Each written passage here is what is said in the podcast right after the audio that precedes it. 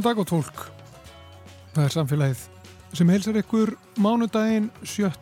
november og það eru Guðmundur Pálsson og Arnildur Haldunardóttir sem eru umsjónamenn þáttarins. Carpfix hóf nýverið tilraunir á niðurdælingu og koldvísýringi með sjó meðal annars í samstarfið svistneska aðila. En aðferð Carpfix og niðurdæling við helliseiðarvirkjun hefur vakið heimsategli og þessar tilraunir með niðurdælingur sjó fara núna fram við Helguvík á Reykjanesi. Við ætlum að forutnast um þessar tilraunir hér eftir smástund með Ólafi Teiti Guðnarsinni, upplýsingafulltrúa Carpfix og einari Magnúsi Einarsinni, verkefnistjóra. Við tölum líka við Rapp Benediktsson yfirlækni á innkýrladeildi landsbítalans í framaldi að frettum nýverið um mann sem var neitað um sjúkraflug vegna þingdar. Við fáum líka eina málfarsmínútu og svo kemur Helga Lára Þorstinsdóttir sapstjóri rúf til okkar með mjög áhugaverða upptöku úr sapninu eins og svo oft á mánudum. En við byrjum á niðurdælingu á kóltvísýringi og sjó.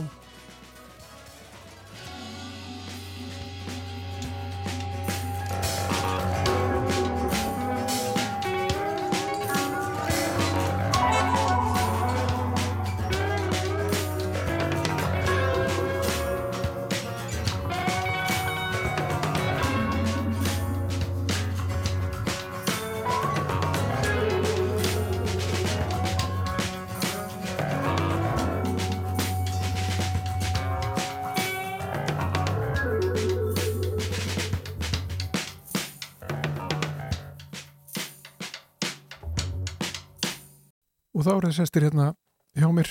Eh, Einar Magnús Einarsson, verkefnistjóri hjá Carpfix og Ólafur Teitur Guðnarsson, upplýsingafulltrúi Carpfix, er velkonir til okkar.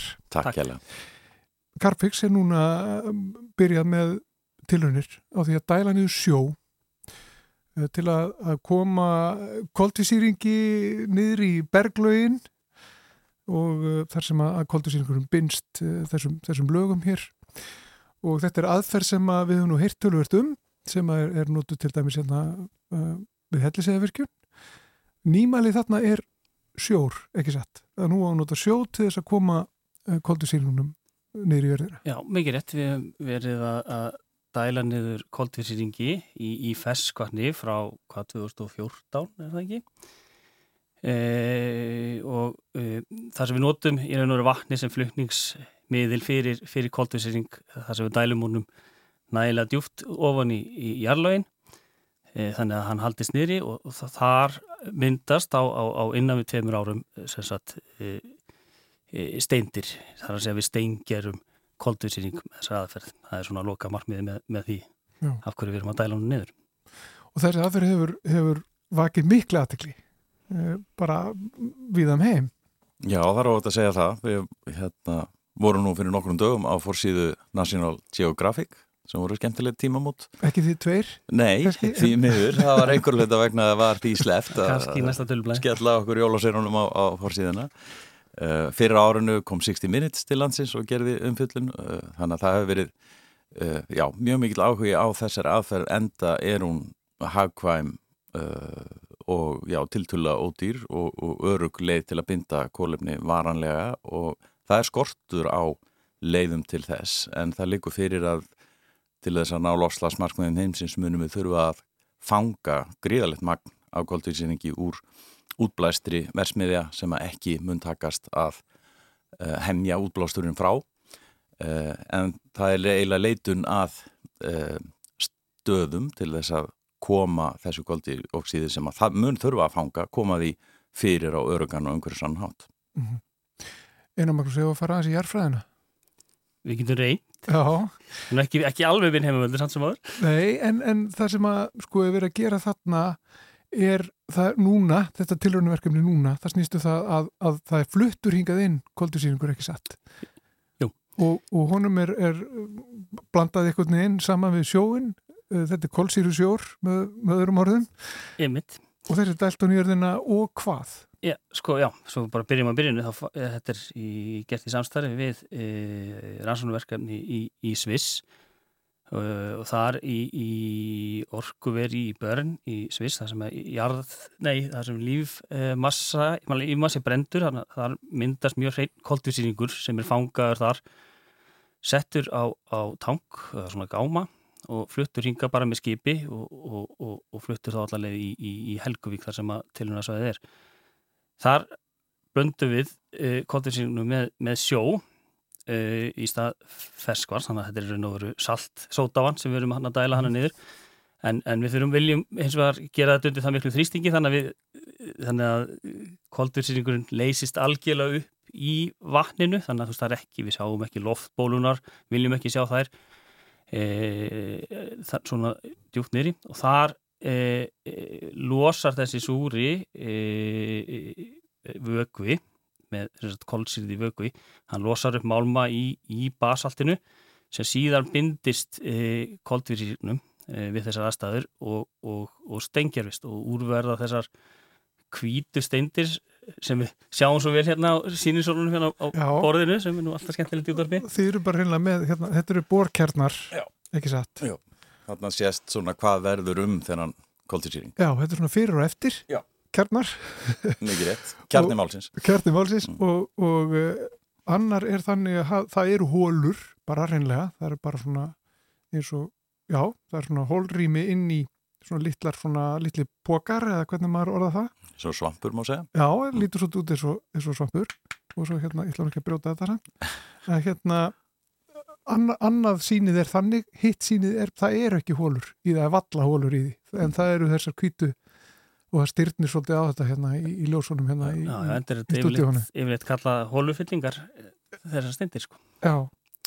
Og, og, og, og galdurinn við þetta er að þetta er í rauninni ferli sem ásýr stað í náttúrunni yfir 2000 ára gerist þetta smám saman að, að, að, að koldjósið binst með þessum hætti fyllir hólunar í berginu á, á mjög langun tíma og það er það sem hefur nú þegar gæst í eldra bergi en á Íslandi er mjög ungt berg þar sem þetta verður ekki enþá átt sér stað.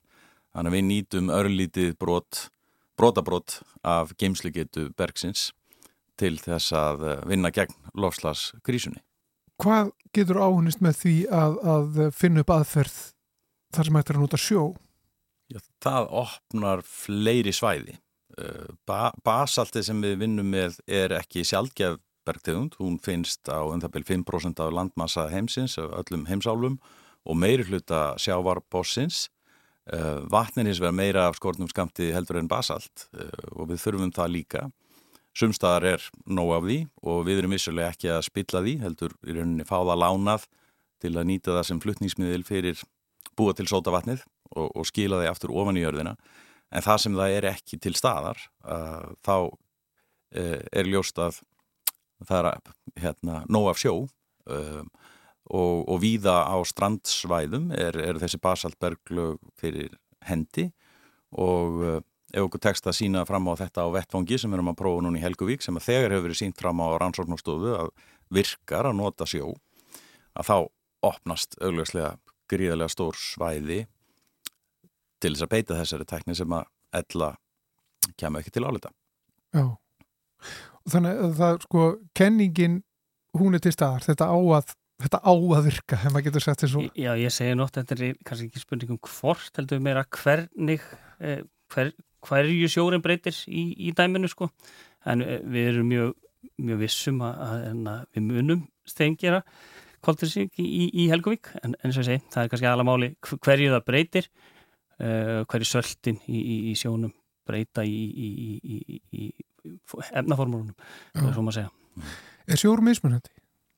Er, er sjór bara sjór? Nei, hann er nefnilega mismunandi og, og, og, og mér heyrist á mér, mér hérna betra fólki í þessum brasa að það er það er eiginlega ymmit fyrst og kannski ekki kannski fyrst og fremst en meðal annars skiptir kannski ekki síðumáli aðrar önnur sölt en, en, en hérna matasalti sem er nú í, í sjónum en, en það er hinsöltin líka sem spil inn í og vissulega er sjór mismunandi eftir í hvaðra hann er e, fangaður. Mm -hmm. Og þetta er tilurinn sem er gangið núna í Helgavík. Er, er eitthvað vitað? Er, komnar, er komin eitthvað reynsla? Er, er búnaður náttúr klár eða hvernig, Nei, við erum akkurat í því núna að stilla af búna en hann við getum farið á, á, á, á fullt að dæla niður. E, yfirleitt höfum við talað um að, að hérna, e, koldursingunni stengir á, á tveimur árum, þá náist mest e, verð er, þá erum við komin í mjög hot hlut af því sem við dælum niður að hafa steinrunnist. En við, við búumst eins og að, að sjá í raun og veru niðurstöður e, fyrr, ekki kannski tvö ár en ekki kannski vikur en, en það er kannski frekatalið í, í hérna hálft ár pluss mínus einhverju mánuði sem við mögulega fórum að sjá okkur eitthvað niðurstöður. Mm. Já, mjög viðameklar uh, rannsóknir sem er að gera til þess að mæla hvað er að gerast ofan í jörðinni. Mm -hmm. uh, en þetta er, uh, já, þetta er nýmælið, þetta er fyrsta sinn í heiminum sem að þetta er prófað Eh, það er líka eftir því sem við komst næst í fyrsta sinn í heiminum sem að koldjósið er flutt á milli landa, fangaði í einu landi til að fargaði í öðru landi. Þannig að það er svona tve, tve, tvennskonar þetta starf á, á ferðinni þarna og uh, til þess að vinna gegn lofslagsvandanum er alveg ljóst að það mun þurfa að flytja mikið magna koldjósiði sem að hefur verið fangað á staði þar sem hægt er að koma því fyrir á örgan hátt. Þetta hljómar kannski fyrir mörgum sem einhver langsótt hugmynd að flytja koldjósið á milli svæða en eh, samanuðu þjóðunar og fleiri hafa gert það alveg ljóst að jafnvel með bjart sínustu sviðsmyndum um að dragur nótkun, jarðarfna elsneitis og fær okkur yfir í endurnígilega orgu þá munum við enga síðu sitja uppi með losun og koldjósiði frá innanferðlum sem hafa ekkert með í rauninni orkuframlegslu að gera heldur yðnaferðli sjálft, semensframlegsla, álframlegsla, stálframlegsla og svo framvegis. Um, og það er svo losun sem er kannski okkar helsti fókus að bjóða upp á lausn til þess að uh, koma henni varanlega fyrir þannig að hún sé ekki að valda þessum loslasbreytingum og, og eins og ég nefndi áðan það eru ekkit óskaplega margir möguleikar til þess og þá þurfum við að nýta hendugustu aðstæðar á hverjum stað og uh, þar að leiðandi þarf að komast á þessi flutningur. Uh, ekki næri eins viða mikill og flutningurinn á olí og gasi er í dag sem eru þetta út um allar uh, hérna koppagrundir og öll heimsorn á hverju einustu sekundu solarhengsins en, en að einhverju leiti þurfum við að koma þessum flutningum á og þessi samvinna þverti við landamæri er algjörlega forsenda þess að ná loslasmarkmiðunum. Mm -hmm. Við heyrðum fyrir nokkur síðan eh, af eh, áallunum um eh, stort verkefni við Strömsvík þar sem að einmitt niðurdælingar sjó var, var eitt af, af markmiðunum þar um, og mikil svona, svolítið svona stór plön um sko þátt að fara þarna í í eh, framkvæmdir við hafnarmannvirki og, og þess áttar og þá að talaðum einmitt uh, upp á flutningana á, á koldisýringi til landsins og þá þurfti náttúrulega að huga því að skipaflutningandi væru, mm. væru einir líka já. Þetta, þetta vinnur allt saman náttúrulega mm -hmm. um, er þetta tengt því? Er þetta tilraunir uh, til þess að geta ráðist í það verkefni eða? Eh, nei, þessa til hún ekki forsendur þess verkefnis, þú ert að vísa til hérna kóta terminal uh, móttöku og, og förgunarstöðurinnar í, í Strömsvík sem er stærsta verkefni sem Carpfix er að vinna að og fekk 17 miljardar styrk frá Erbjörnsambandinu, þann stærsta sem að komið hefur til Íslands nokkuru sinni. Uh, það verkefni er í fullum undibúningi, þar er forsendan þar er að nota ferskvarströyma sem eru mjög miklir á því svæði.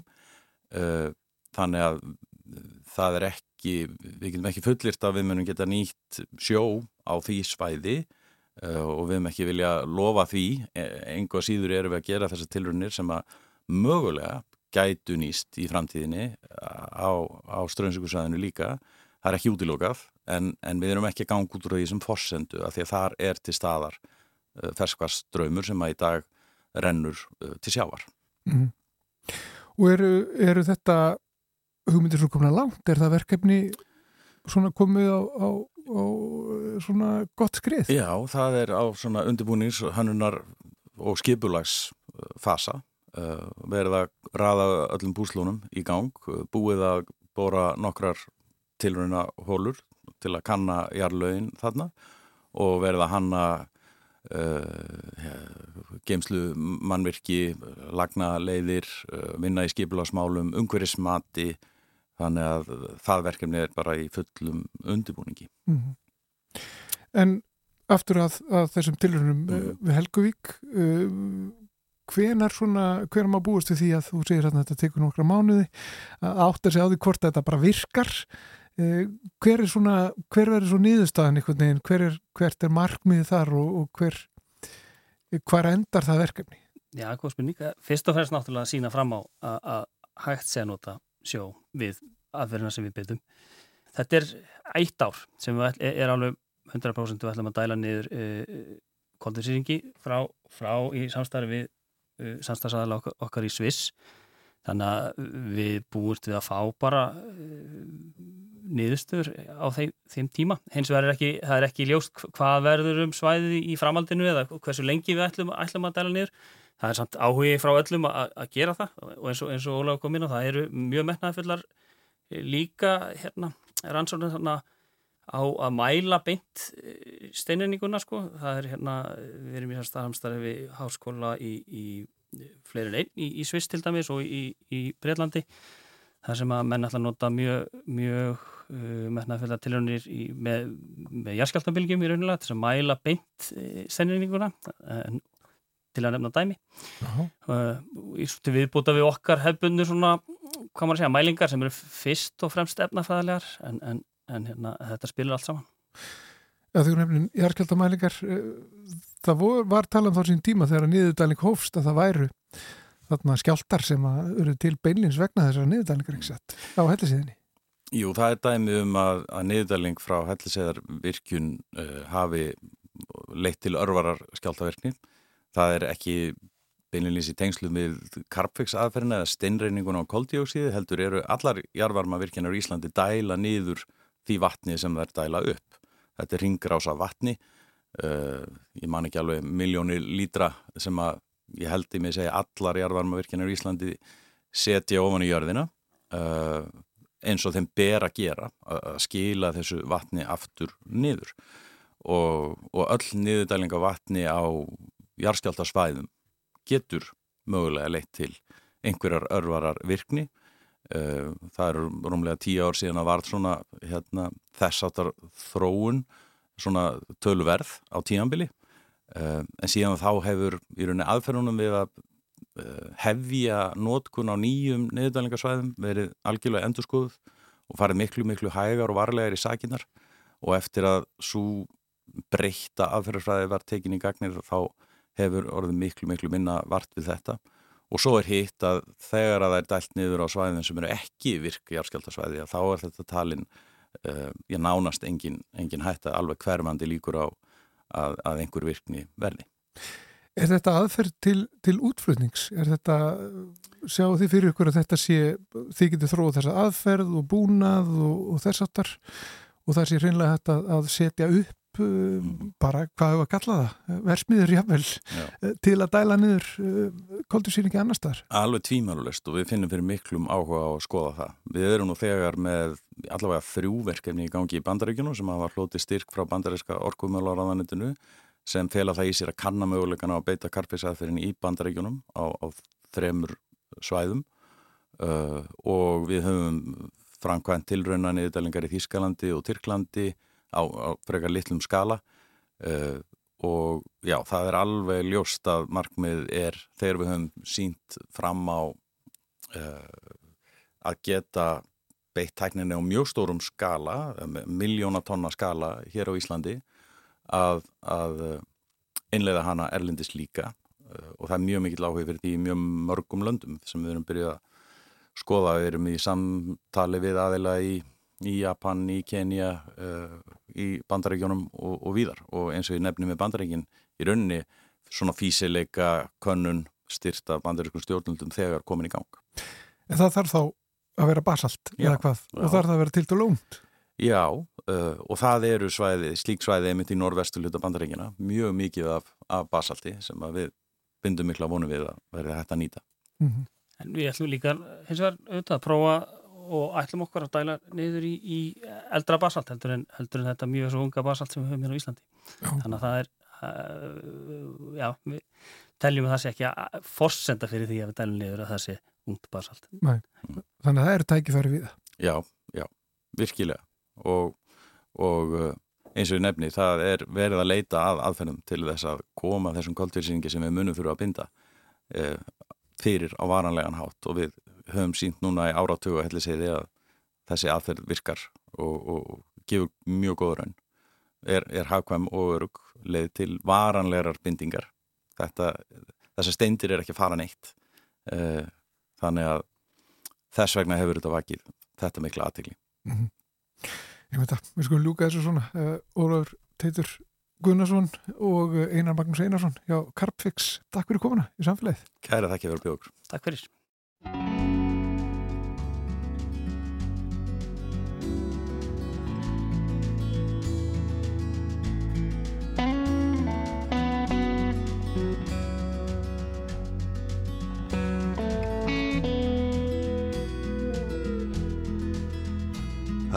Jeremiah Dixon. I am a Geordie boy. Glass of wine with you, sir, and the ladies I'll enjoy. Old Durham and Northumberland is measured up by my own hand. It was my fate from birth to make my mark upon the earth. Calls me Charlie Mason, a stargazer am I. It seems that I was born to chart the evening sky. They'd cut me out for baking bread, but I had other dreams instead. This baker's boy from the West Country would join the Royal Society. We are sailing to Philadelphia, a world away from the coldy tide. Sailing to Philadelphia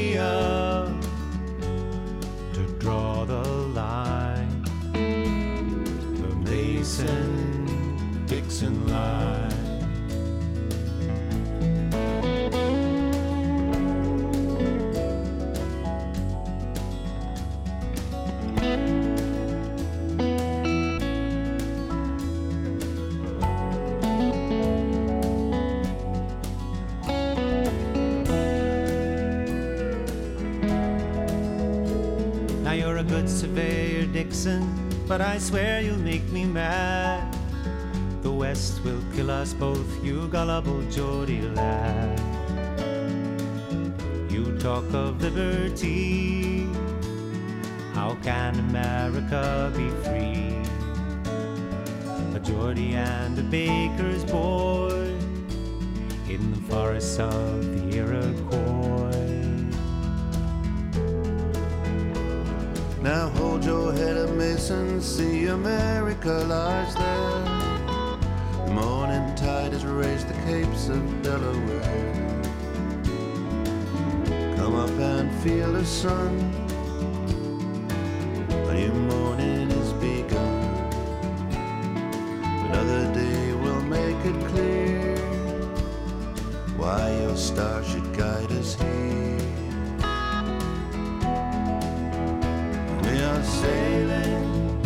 Philadelphia,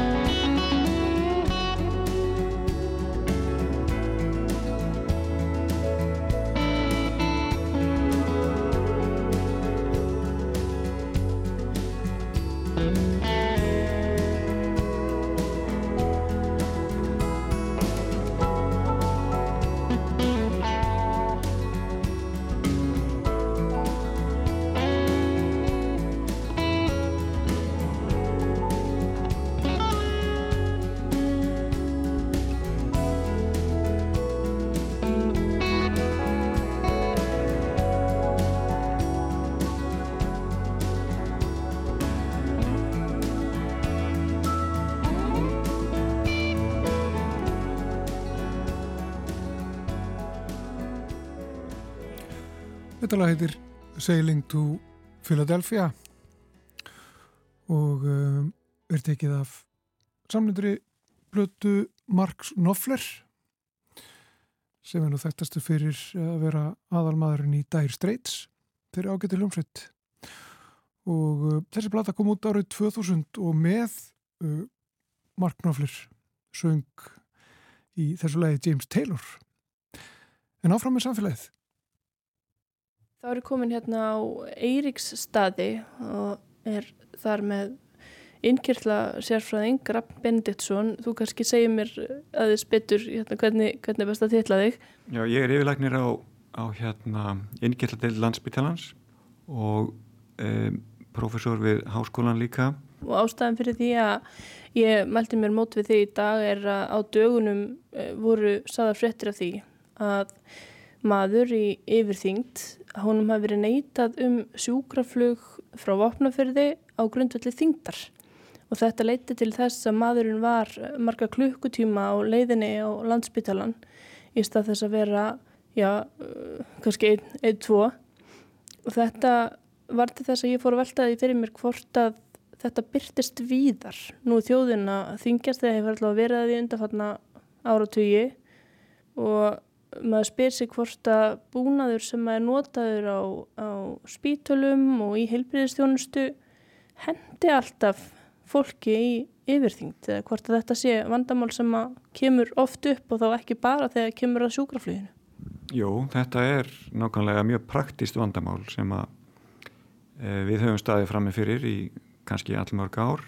Hérna á landsbyttalanum fyrir já, líklega næstum tíu árum eða svo þá voru viss vandamál hér með lækningatæki, fyrst og fannst tölvisnumöndatæki og, og því um líkt en einnig beinþéttni mælitæki Og var fólki í mikill yfirþyngd að bara neitað um, um slíkar mælingar? Eða ekki mögulegt að framkoma þér? Já, það er kannski málið. Það var hreinlega þannig að það var ekki mögulegt að framkoma rannsóknuna því að tækin voru einfallega of lítil. En þetta hefur nú breyst talsveit mikið og eru auðvitað hlutverk þeirra sem að sjá um að veita þjónustu að tryggja að þeir geti veitt þeim aðlum þjónustu sem áni þurfa að halda. Okkar þjónusta er þannig að við erum að veita þessum sjúklingahópi tjónustu fyrst og fremst kannski ofþyngd eða mikil þyngd þeir einstaklingar sem eru með það vandamál að þeir þurfa ofta að leta til læknis. Það er áætið þættu fyrir mjög marga sjúkdóma þannig raun og veru er óhjákvæmilegt fyrir þá sem að skipilegja helbriðstjónustu annað en að horfa á þetta og það er þá kannski bara brestur í skipulagningu að, að hugsa ekki út í þetta. Þú nefnir hérna tölvusneiðmyndatækin, er eitthvað annað eh, sem hefur verið vandamál áður eða, eða er vandamál enn í dag þegar sem lítur þá að þessum lækningabúnaði? Eh, þarna fyrir kannski tíu árum var vandamál með fyrsta lagi þessi tölvusneiðmyndatæki sem að voru jú þannig uppbyggðað það er bekkur sem reyfist og, og þá hætta á á bara bilun í tannhjólum og slíku. Og síðan er þessi tæki þannig að maður fer inn í svona ring eða kringlu og, og gatið sem er í miðunni var hennilega bara lítið. Og þetta hafa framlegendur þá laga núna. En annan dæmi voru beinþéttnimæli tæki sem er á okkar könnu hér á landsbyttalanum bekkirnir þar sem að reyfast til eins og í tölvusneymundunum þeir voru líka ekki gerðir fyrir við finnum að vera 130 kíló eða eitthvað svo leiðis Eh, en tækin sem við erum með núna þau taka að minnstakosti 200 kílóa fólk. Þannig að framleiðinir hafa átt að segja þessu og það er hægt að velja búna þá og, og, og þannig að maður þarf hennilega að gera það. Við fluttum í þetta húsnaði hér fyrir tveimur árum og hér er frábær aðstæða fyrir okkur og þá þurftum við auðvitað að versla inn húsmunni og stóla og þýjumlikt og þá þurftum við einmitt að hugsa þetta svona hvað hvað, hvað þurfa þessi stólar að bera og við þurftum að leita þá eftir e, slíkum, slíkum stólum. Þannig að fólki yfirþyngt sem að þarf að nýta sér heilbíðastjónustu það lendir ekki því að, að því bjóðist bara einhver, einhver stól sem passar í engan veginn og það þarf að já, annarkvort tróða sér ofan í hann með tilirandi hérna, meðslum og umuleika eða, eða, já, eða bara, ég veit ekki hvað. Akkurat, þetta er það sem að maður þarf að hugsa um og og við þurftum að gera og, en þetta var raunverulegt á vandamál hérna áður og, og e, auðvitað mjög niðrandi jafnvel fyrir fólk að festast í stólunum og því lykt og, og alls ekki það sem við viljum að, að gerist því að jú þetta er vandamál og sjúkdómur sem fólk ávið að etja og ekki takmörku við aðgengi fólk sem er með háan blóðþyrsting að okkar þjónustu eða hátt kólisteról og það sama ætti að auðvitað gilda um þingdina. Þetta er bara vísir, líkamsvísir, rétt eins og ymsar aðra breytur og við þurfum að geta þjónustu að þetta fólk. Og er þá sko, segjum til dæmis bara, ég þurfi að láta mæla blóðfyrsting eða eitthvað ég sé með frekar hérna, breyða handleggi eða breyðari en gengur og gerist. Er þetta eitthvað sem heilbrið starfsfólk er, er meðvitað um eða, eða er þetta ennþá þannig að þetta er kannski bara ekki til eða, eða e, þetta er eitthvað sem að, sem að veldur einhverju einhverju uppnámi eða, eða vandræðum með tilherandi vanliðan og, og svona óþægendum fyrir, fyrir sjúklingin og endanlega líka þann sem veitir þjónustunum. Já þetta er ekki vandamál hérna hjá okkur ég held að þetta með blóðfyrstingin það hefur verið lengi verið þekkt að maður þarf að hafa mismunandi laung eða breið armbönd. Þannig að ég býst við að nánast allar eh, helbriðstofnanir á landinu séu með viðegandi búnað hvað það varðar. En, en jú vissulega ég mar eftir því úr mínu sérnámi að þá þurfti maður stundum fyrir 30 árum að hlaupa og leita á næstu deildum og finna einhverja sérstakar græjur til þess að geta mælt blóðfyrsting til dæmis en, en þetta er ekki vandamál núna. Sko þú ert búin að nefna náttúrulega ímislegt þar sem þetta var vandamál en það hafa orðið úrbætur síðan kemur eitthvað dæmi eins og þetta með sjúkraflugið og það komur undar í, í ljósa yfirleiknir sjúkra flutninga á, á spítalum að Akureyri hans að þetta væri eitthvað sem gerðist kannski tviðsvara ári og þetta gerðist bæði í september og í óttúber að einstaklingi var neitað um, um sjúkraflutning vegna þingdar. Þannig að þetta verðist verið vandamál í dag en, en eru einhver önnur svið þar sem eru ennþá, ennþá vandamál? Ég kannski gerir mér ekki alveg grein fyrir því. Veist, þetta í þessu tilfelli þá er þetta líklega bara svona praktisk bilun í kerfinu eða þannig að þeir sem að skipulegja þjónustuna hafa glemt að velta þessu fyrir sér og sem er óheppilegt en auðvitað bara eitthvað sem þarf að laga. Af því að þetta verður eh, ekki minna vandamál held ég eins og er að gerast núna þá erum við að þingjast við erum enna að halda áfram að þingjast og þetta verður eh, miklu algengara og ég veru nú hérna með skjáfyrir framann okkur sem að þú varst að fletta upp hérna áðan líðhilsuvísum en bættis landlagnis og það er hægt að fá upplýsingar já, eftir eh, landslutum um hversu hátt hlutfall fólks er með líkamsþingdarstöðul yfir 30 og líkamsþingdarstöðul yfir 30 BMI yfir 30 þetta er of þingd, er það ekki? Jú, jú, það er það er það sko. Og þá er sem sagt í, í held í kringum 27% eh, landsmanna með þingdarstöðuli yfir 30 eh, árið 2022 og þetta var 20% árið 2007 og það er líka mjög áhugavert að sjá hvernig þetta skiptis eftir landslutum og það er vel þekkt og hefur komið fram í, í íslenskum greinum að, að þingdin verist vera meiri í dreifbílinu sem er jú nákvæmlega fólki sem þarf á sjúkraflugi að halda. Þannig að það er, það er mjög mismunandi eftir landslutum hvar þessi þingd er, er mest. Við sjáum hérna bara landið allt þar á þetta við um 27,4% og, og svo erum við með já, Norðurland 34,6 Vestfyrðir 42,8% og þetta, þannig erum við með ákveðnur upplýsingar. Þau sem eru með líkansþingdar stuðil yfir 30 en maður þarf ekki að vera í mikill yfirþyngd til þess að vera með líkamsþyngdar stuðul yfir 30 myndi það hjálpa ef að, ef að það væru til svona nákvæmari upplýsingar eða einhver meiri sundurliðun á, á því hvernig e, íbúa samsetningin er á, á hverjum stað? Já, það, það er það er einmitt málið að sko það hefur batnað talsvert á undarföldnum árum magna upplýsingar sem við höfum úr að spila en samt eru svona líkiltölur sem enn vantar eins og til dæmis hversu margir eru með sekursíki af tegund 2 og uh, þá í raun og veru kannski aðgengilegri og, og betri flokkun á því hver þingdardreifingin er. Þetta er jú samfélg breyta þingdin og líkamsþingdarstöðlinn tekur jú tillit til hæðar en við höfum líka verið að hækka á síðustu áratugum. Þannig að raunverulega eða, eða absolutt gildið fyrir þingd er, er, er líka að hækka kannski meira heldur en líkamsþingdarstöðlinn getur sagt okkur og það er kannski praktiska talan sem að skipulengjandur þjónustu þurfa að hafa á taktænum. Þessi koma úr þessari kannun um, helsa á líðan sem er framkvæmd uh, á nokkur ára fresti þar sem fólk gefur sjálft upp hvað það er hátt og hvað það er þungt. Þannig að það ætti að vera auðvelt að byrta þessar tölur hennilega og hafa aðgengilegar en, en, en það er auðvitað takmark fyrir því hvað hægt er að byrta svo að það sé mjög þægilegt að skoða svona í fljótheitum og það er hægt að fá aðganga gögnunum bæði í vísindarlegum tilgangi og svo áraðlega til þess að skipilegja þjónustu og svo leiðis. Þannig að það væri hægt að fá nákvæmari upplýsingar um, um þingd.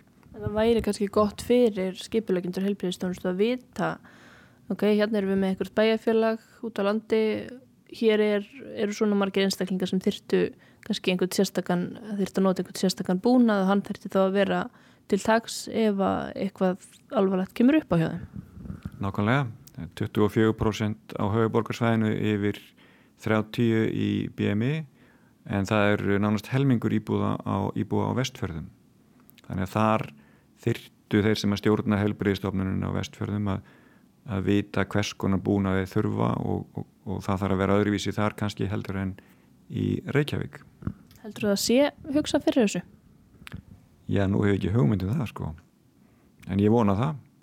Og uh, í þessi þingdaraukning við sjáum hérna, það sáum áðan þegar við varst með mælaborðið opið uh, þá sáum við hversu mikið þetta hlutfall fólks í með líkansþingdastuðul yfir 30 hefur hækkað frá 2007 og við sjáum það hefur farið úr 20% á landsvísu 2007 í 27,4 í fyrra. Hversu, hversu alvarlegt er það að, að við höfum farið upp um, um rúmlega 7% steg á, á þessum 15 árum? Það er mjög óhefilegt og við erum líklega með þingstu þjóðum í Evrópu og höfum tekið fram úr uh, allmörgum þjóðum. Það er aðeins mismunandi eftir í hvaða uh, gögn við erum að horfa á og eitt af vandamálunum hér er að það er ekki kannski til raungögn.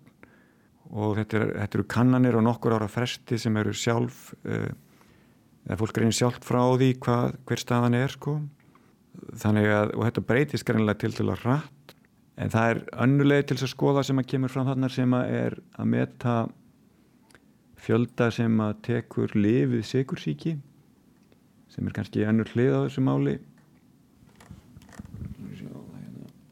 Blóðsikurslækandi lif önnur en insulín Já þetta er sem sagt á notkun á sikursíkislifjum og sterkasti breytanlegi áóttu þátturinn fyrir sikursíkja tegum 2 er þingdin okkar sem er jú þessi breyti þáttu sem við höfum verið að tala um. Og þarna hefur sem sé notkunnin aukist eh, frá 2016 til 22 úr 34 í 45 hérna, skilgreinda dagskamta sem er í kringum 35% aukning. Þannig það er líka, líka töluvert. Það er gríðarlega mikið og eins og kannski hefur komið fram sem staðar annar staðar er að kannski er aukningin fyrst og fremst í þessum nýrilefjum sem eru geysilega dýr. Það er, er hérna ekki endilega allt saman tengt sekursíki í raun og veru. Heldur er þetta líka drifið af, af eh, tískubilgjum og, og, og, og auglýsingum á samfélagsmiðlum og einhverju slíku. Þannig að fólk er beinleginnist að nota þessi lif þá líka reynilega til þess að halda þingdin í skefjum. Já, það hefur verið mikið, mikið búið á því undarfærið Þetta er staðan og einmitt eins og þú segir að, að veitendur helbriðistjónustu þurfa, þurfa að laða sig að því. En ef við hugsun bara aftur um, um uh, þetta atvik á dögunum þar sem að manni var neitað um, um sjúkraflög á grundullið þingdar hvað finnst þér persónulega um, um þetta atvik? Þetta er afleitt að mínu mati og siðferðilega rámt hreinlega bara í raun og veru. En ég kannski skil stöðu hérna sjúkraflutninga aðilana það væri auðvitað óheppilegt ef e, flugvelin kemist ekki á loft eða myndi rapa vegna þess að hún væri of hlaðin. En þetta er auðvitað bara atriði sem að hver og eitt sá sem er veiti þjónustu þarf að hugsa hvers konar þýði er ég að þjónusta og hvað þarf ég að geta gert Finnst þér einhver tíma réttlætanlegt að takmarka eða neyta fólki um þjónustu eða það að fá að nota einhver tæki eða rannsóknar búin að vegna þyngdar? Nei, það finnst mér ekki. Það auðvitað er mögulegt að það sé of hættulegt til dæmis að gera aðgerðir ef fólk er of þungt eða komin í einhvern ákveðin þyngdarflokk og þá er það auðvitað sjónamið. Það meðferðin geti kannski verið verri heldur en ástandi fyrir en það að nota þennan vísi sem aðferð til þess að flokka fólk í einhvern sem á að sinna eða á ekki að sinna, það er beinlegins rámt að mínu mati. Þetta hlýtur að gilda um þennan eh, lífvísi sama og, og gildir um blóðþyrsting, kólesteról og svo fleira. Uh, nú hefur verið talað um það í gegnum tíðina þá hafi fólk sem er með ofþyngdu ofittu mætt fordómum í heilbriðskerfinu og læknar hafi haft tilneyingu til þess að skrifa ég skrifa einkenninn og, og umkvörtunaröfnin þeirra á þingdina frekar en að líta til þess að það geti verið eitthvað, eitthvað annað að sem að skýrir skýrir vandan uh, þetta að, að það kom upp tilvík þar sem að fólki neitað um, um þjónustu vegna, vegna þingdar er þetta einhver svona ángjaf þessu eða bendur þetta til þess að, að heilbriðiskerfinu eða, eða þeim sem að stýra því finnist í rauninni að fólk geti kannski svolítið sjálfuð sér umkenda einhver leiti. Já, ég held að þetta sé nú aðeins floknara en, en svo. Það er jú, ef maður hugsaður um orku jafnvægi, þá snýst þetta sjálfsögðu um, um orku eðslu og orku innkomu. En það sem stýrir því er ekkert einfalt mál sem að þú endilega ræður við sjálfur. Um, þetta er miklu, miklu floknara samfélagslegt vandamál og í grunninn er þetta ættarþættir og alls konar þættir í umhverfinu sem að við höfum búið okkur til sem þjóð eða, eða dýrategund í raun og veru sem að stýrir þessu hvernig við lítum út og, og það er beinleginins rámt auðvitað að, að nota þingdina sem aðferð til þess að neyta fólk um tjónustu eða skilgreina eitthvað eða segja einfallega farðu heim og reyðu þig og borðaði minna því að það er það er auðvitað byrjins bara niðrandi og raung skilabóð. Hefur dreigið úr þessum fordómum í helbriðskjörunu? Ég held það já, fólk séðs hægt og rólega átt að segja á því að þetta er ekkert svona einfalt mál og þetta er miklu miklu floknara samfélagslegt vandamál. Þingdin er samt held ég, ég held að sé gaglegt að líta á það, það fyrirbæri sem sjúkdóm af því alveg eins og kólistról er breyta sem að hækkar og lækkar og það er ímislegt sem við getum gert til þess að hafa áhrif á það. En í grunninn er þetta ekki eitthvað sem að uh, þú, e, þú getur í raun og veru sjálfum þeir um kent í raun og veru. Emitt, það eru bara fín loka orð. Takk fyrir spjallið við samfélagið, Raff Benditsson. Takk, takk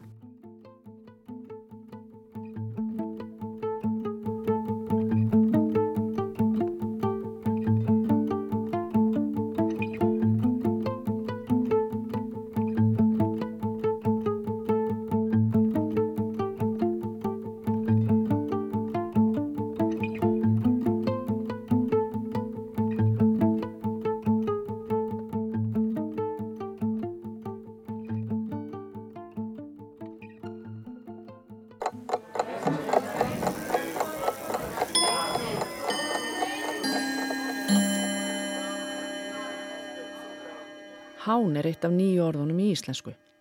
Það var til fyrir um áratug og má ætla að flest fólk hafi heyrta og séð. Til að byrja með var orðinu ekki sérlega vel tekið en það hefur unnið á.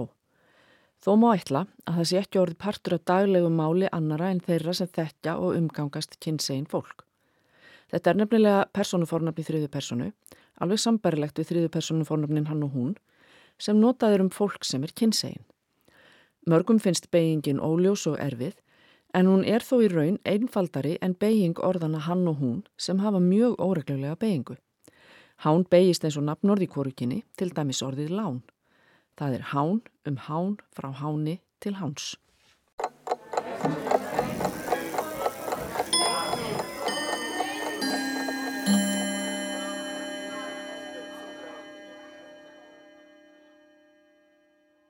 Hún er í okkur Helga Lára Þorsteinsdóttir, hún er sapstjóri Rúf með uh, eitthvað úr sapninu í farteskinu, ekki sett?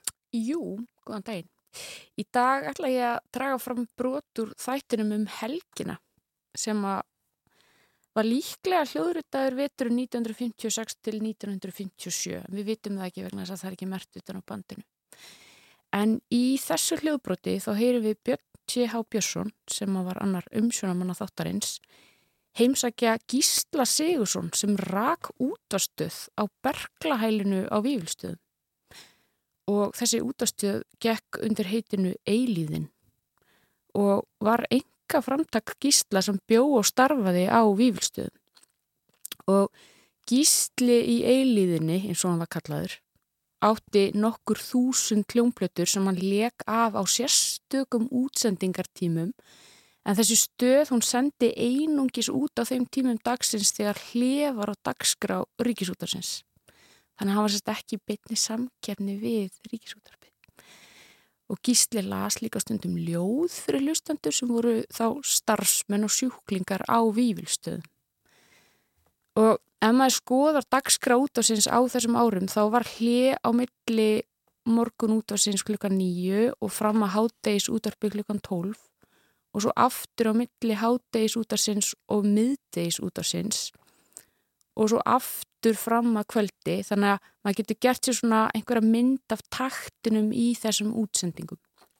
Það var sérstaklega ekki útarpað í ríkisútarpinu uh, alveg samfælt eins og í dag og Gísli nýtti sér þá þessi hlið til að koma að með ljóða upplæstur og, og tónlist af fljómplutum sem hann kifti fyrir eigi fjöð þannig að hann eitti alveg ótrúlega miklum peningum og orgu í, í þetta góða starf. En Gísli fættist árið 1895 og hann eignaðist mjög stóra fjölskyldu. Hann var bóndi á Suðunisjum, nánar tiltekið í miðhúsum í Garði en eftir hann síktist af Berglum 45 ára gammal þá bjóðan að vývilstöðum í 36 ár. Já. Og Gísli var ekki bara þekktur fyrir útvarp eiliðina, heldur tamdi hann einni nöyt sem reyðskjóta á meðan hann starfaði sem bondi. En það er efni í annað einslag sem ég held að veri gaman að taka bara fyrir síðar. En við skulum einbytta okkur að útvarp eiliðinni í dag. Og, og þetta útvarp, var það sendt út frá Vífurstöðum? Já, á Vífurstöðum. Hann bjóð þar og starfaði átti þessar hljómblutur var með þar og ég held að hann hafi spilað þá fyrir sjúklinga og starfsfólk Vífilstaða þegar að það var ekki sendt út e, á ríkisútarpinu. Já, þetta er mjög merkilegt. Já, þetta Já. er það. Skulum hlusta þetta. Helga Lára Þorstinsdóttir, takk fyrir komuna.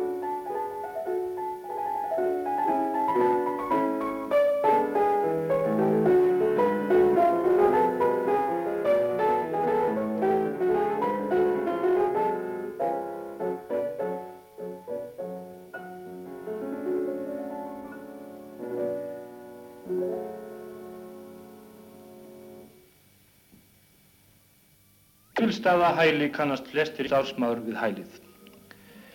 Þessi maður er merkilegur fyrir þær sakir að hann hefur nú um langt árabil reykið sjálfstæðu útvarpstöð Eilífðar Radio. Þessi útvarpstöð starfar þó aðeins með á þeim tíma þegar útvarpa Reykjavík á frí. Og Eilífðar Radio er sennilega músikalskast útvarp í heimi því að það útvarpar svo til engöngu músík. En það afsannar þá staðhæfingu sem höfður eftir Halldóri Giljan og þá endanlega í sambandi við óskalega þætti sjúklinga að músikalskir menn séu öðrum helsu betri á landi hér. Að vísu hefur útvarpstjórin stundum farið með ljóð og hans menn eru þeir Davíð og Kiljan Skáld. Nú erum við komnir að Vívilstöðum og ætlum að líta inn hjá útvarpstjóranum en hann heitir Gísli Sigurdsson og er væntanlega að spila því hann á frí í dag.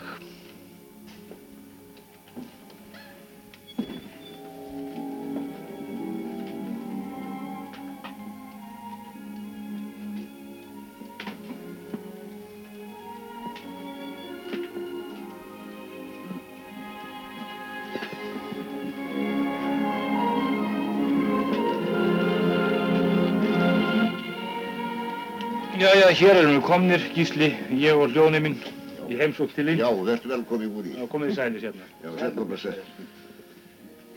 Og það gengur hjá þér stöðin. Og já, já, það er allt í lagi með hana. Hún klára sér vel því að maður nýtur nú alltaf þessara manna sem hafa fundið þetta allt upp. Það nýtur þeirra, sko. Já, og sjúklingarnir njóta þín. Já, og sjáutanlega, já. Það er sé... njóta alltaf, sko, góðra manna. Það er alltaf það sem, að, það sem er upp í staðin í lífinu, sko. Það er góðir menn, að það eru þeir nefnilega sem að, sem að gefa lífinu gildi, sko. Takk. Það er rétt. Já, Og hér upp á hillu sé ég Magnarann, útvarpstöðin hjá þér. já, já. Hvað ertu búin að reka eilifa ratjó lengi? Já, það er nú bara orðið, hérna, tíu ári í eilíðinni, eða ellefu ár í eilíðinni, sko. Fyrst var ég inn í hæli. Og þú hefur nóg til þess að senda út, sé ég. Því hér upp um alla, alla veggi eru, eru blötur. Ég ekki spilað fyrir því góði í heilt ár, sko, aldrei í sama lagi, sko. Í heilt ár. Ég held í tvö ár. Og þessar Já. blötur áttu allur sjálfur. Alveg sjálfur, alveg skuld, hérumbil skuldlausar, hérumbil, sko, því að ég má ekki nefna hálkar víst. Og hvað eru þetta nú aðdrættir margra ára? Þetta er eftir, eftir, frá, frá höstu 140. Það er minn það. Já. Þá, sko, fór ég hérna nýri Reykjavík eins og oft einn og verða, búinn að vera ásjúklingur hérna á Íðustöðum og skrapp hann í Reykjavík og löndi hérna á hótel eh, París á skólastignum. Jú, jú. Já, það var kappi, kappistofi og hitti þar alveg ágættis frú og hún, hún uh, þetta barst í með músík og, og ég, ég vildi kaupa fón og hún vildi, hún vildi selja sko fón og fónnin kostaði, ég spyrir hvað þetta kosta, hún segir hann, hann er að kosta 10 krónur sko með 15 blötum. Það, Takk. það var ekki dýrt, 1940. ha? 1940, veistu, veistu. Og hún hefur komið þér á sporið. Já, og svo hún átti heima á laugu 27 í bakhúsinu í kjallaranum og blessu frúin, hún bauð mér heim og, og gaf mér kaff og með því og manni sem með mér var og ég kefti fórn og borgaði um 10 krónur, sko. Svona var alls í fólki á Íslandi í þá dagar, sko. Þetta kaffi hefur kostað þig, aldrei skildingin úr dagana. Við það þess að þetta hefur kostað mjög talsvert, talsvert, sko. En nú ert þú engin stórgróða maður, hvernig ferð að Nei, kaupa nei, alla já, ég kaupi nú bara fyrir mína, mína vinnu, vinna, ég er bara verk, ég er altså verkamaður, ekki, það er ekki að segja bara, ég er bara heiðalegu verkamaður. Og fer allt í þetta.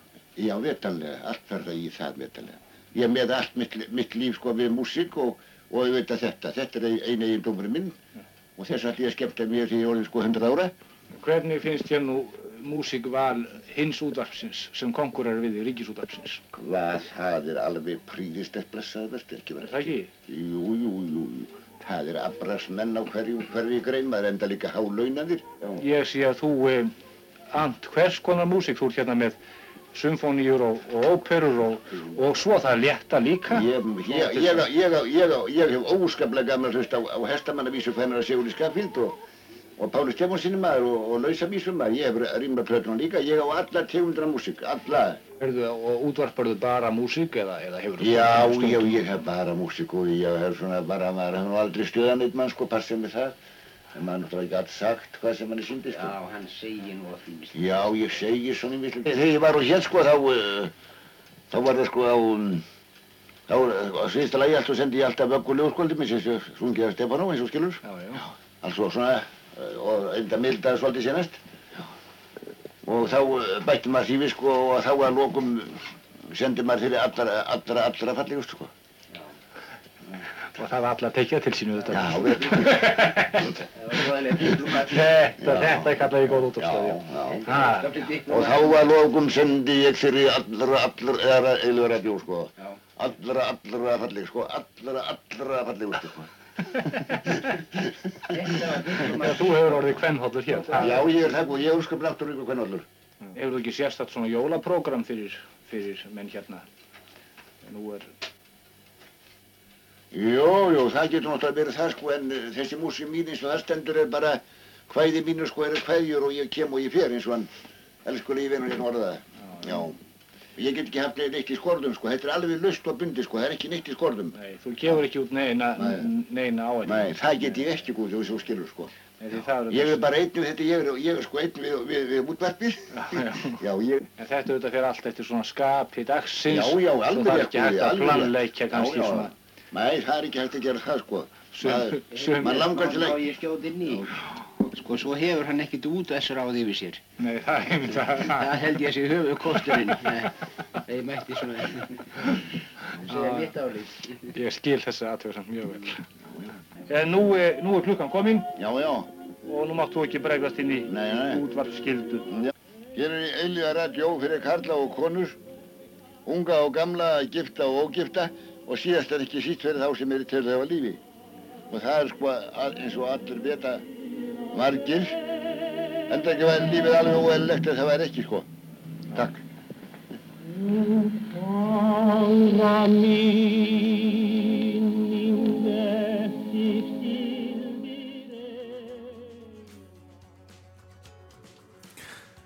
Þannig að heyrðu við Björn T.H. Björnsson heimsækja Gísla í eiliðinni sem sagði hann frá uh, útvarpsstöðinni sem var ekki á vývilstöðum.